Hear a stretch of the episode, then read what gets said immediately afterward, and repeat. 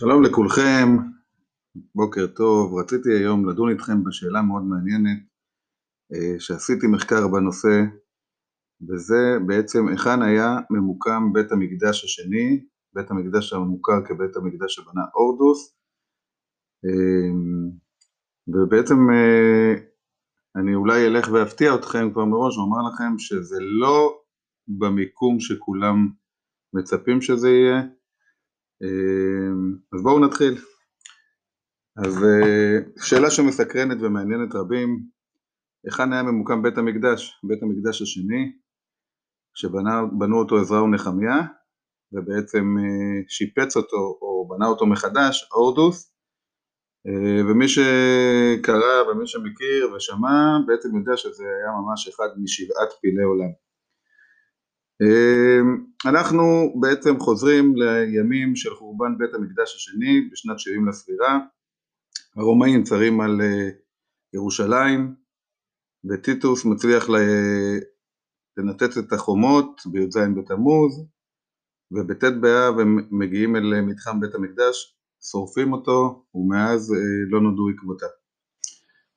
היום הסברה הרווחת היא שבעצם אה, בית המקדש נמצא מתחת, אה, במקום שנמצאת אה, כיפת, כיפת הסלע, שבעצם חושבים שהסלע שרואים מתחת לכיפת הסלע הוא אבן השתייה, וזו הסברה הרווחת, ואני היום אנסה להוכיח לכם שכנראה שזו טעות, טעות שנפוצה מהעבר והשתרשה, אה, אז בואו נתחיל.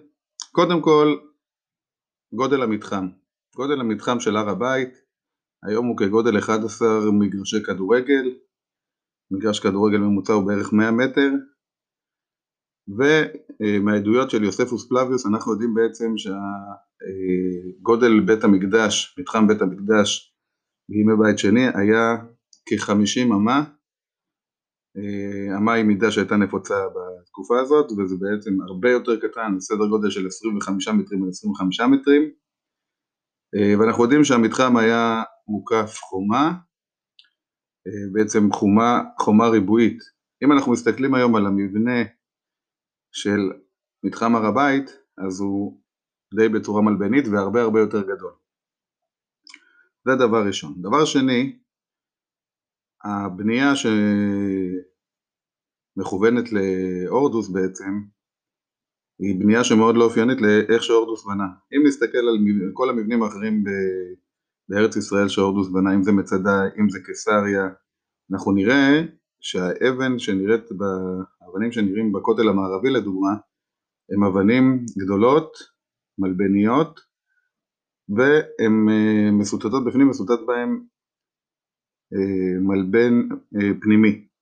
וקוראים לזה הבנייה האירודיאנית. אבל אם אנחנו נשווה את זה לכל הבניות האחרות של האורדוס אנחנו נבחך שאין בכלל צורה כזאת שבמבנים אחרים של אורדוס אה, זה דבר ראשון שסותר. דבר נוסף, אורדוס היה בונה על פי הטופוגרפיה. הוא לא היה שובר את הטופוגרפיה בבנייה בהר הבית אנחנו רואים שממש מישהו בא בצורה מגלומנית ואישר קווים מעל ודיות, אה, חתך הרים, גבעות ובנה מתחם מאוד גדול. אה, זה בעצם אה, מוביל אותנו לזה שזה כנראה לא המתחם שבנה אורדוס, המתחם שבנה אורדוס היה כנראה הרבה יותר קטן.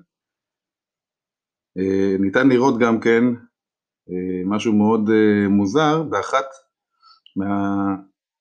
אבנים ששוקלות טונות, האבנים אבני היסוד שם בכותל, בהמשך הכותל המערבי, לכיוון צפון, ניתן לראות שיש אבן שציטטו את חצי המלבן הפנימי וזה נפסק באמצע. שזה יכול להעיד על איזשהו אירוע טראומטי, אולי אה, מלחמה שפרצה, ואנחנו עוד נגיע לזה בהמשך, מדוע לא גמרו לסטט את הריבוע הפנימי. תזכרו את הנקודה הזאת, זו נקודה מאוד חשובה. אה, אז אם אנחנו אה, מנסים להבין מי בנה את המתחם הענקי הזה, מתי זה קרה,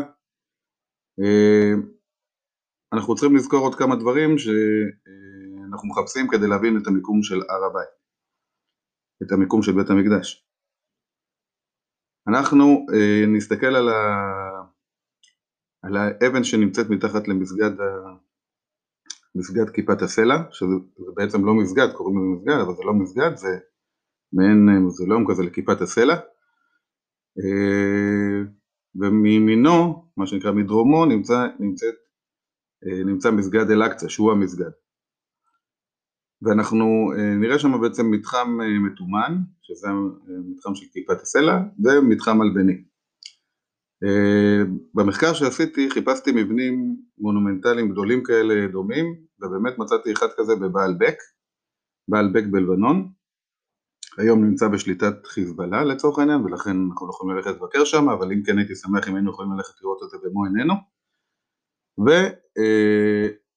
והמתחם שם הוא בגודל דומה למתחם הר הבית, האבנים מאוד דומות מבחינת הגודל, צורת הסיטוט הפנימית, מה שמכונה בטעות אירודיאנית, נמצאת גם שם,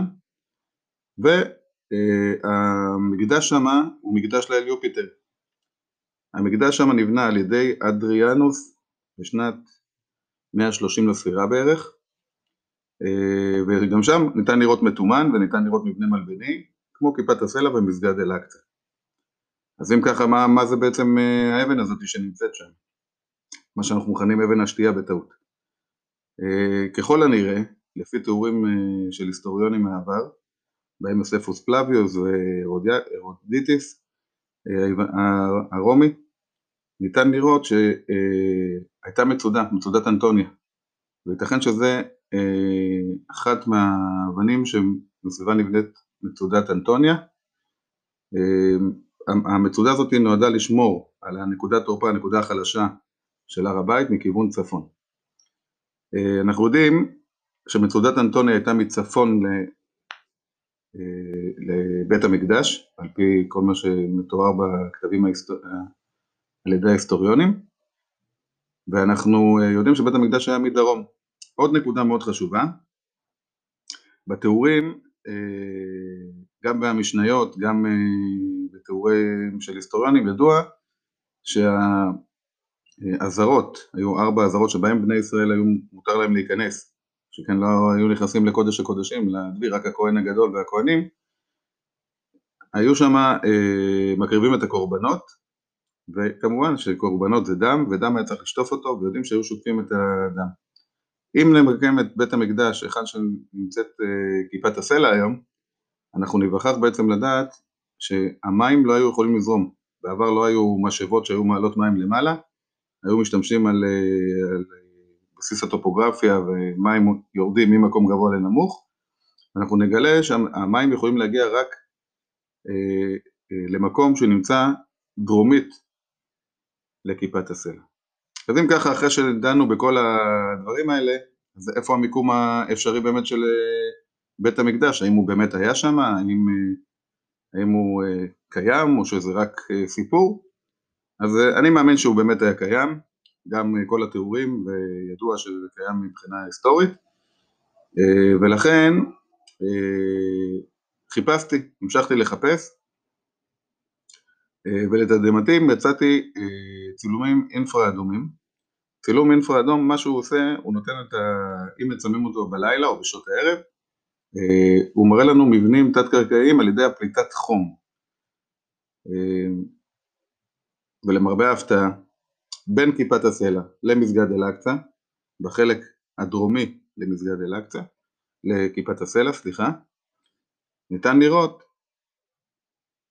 מבנה שמתאים בגודל מתחת לאדמה, באזור שהיום ממוקמים שם עצים, לא ממוקם שם שום מבנה כרגע מוכר, מתחם שזה למתחם בגודל ובמבנים למה שהיה בית המקדש.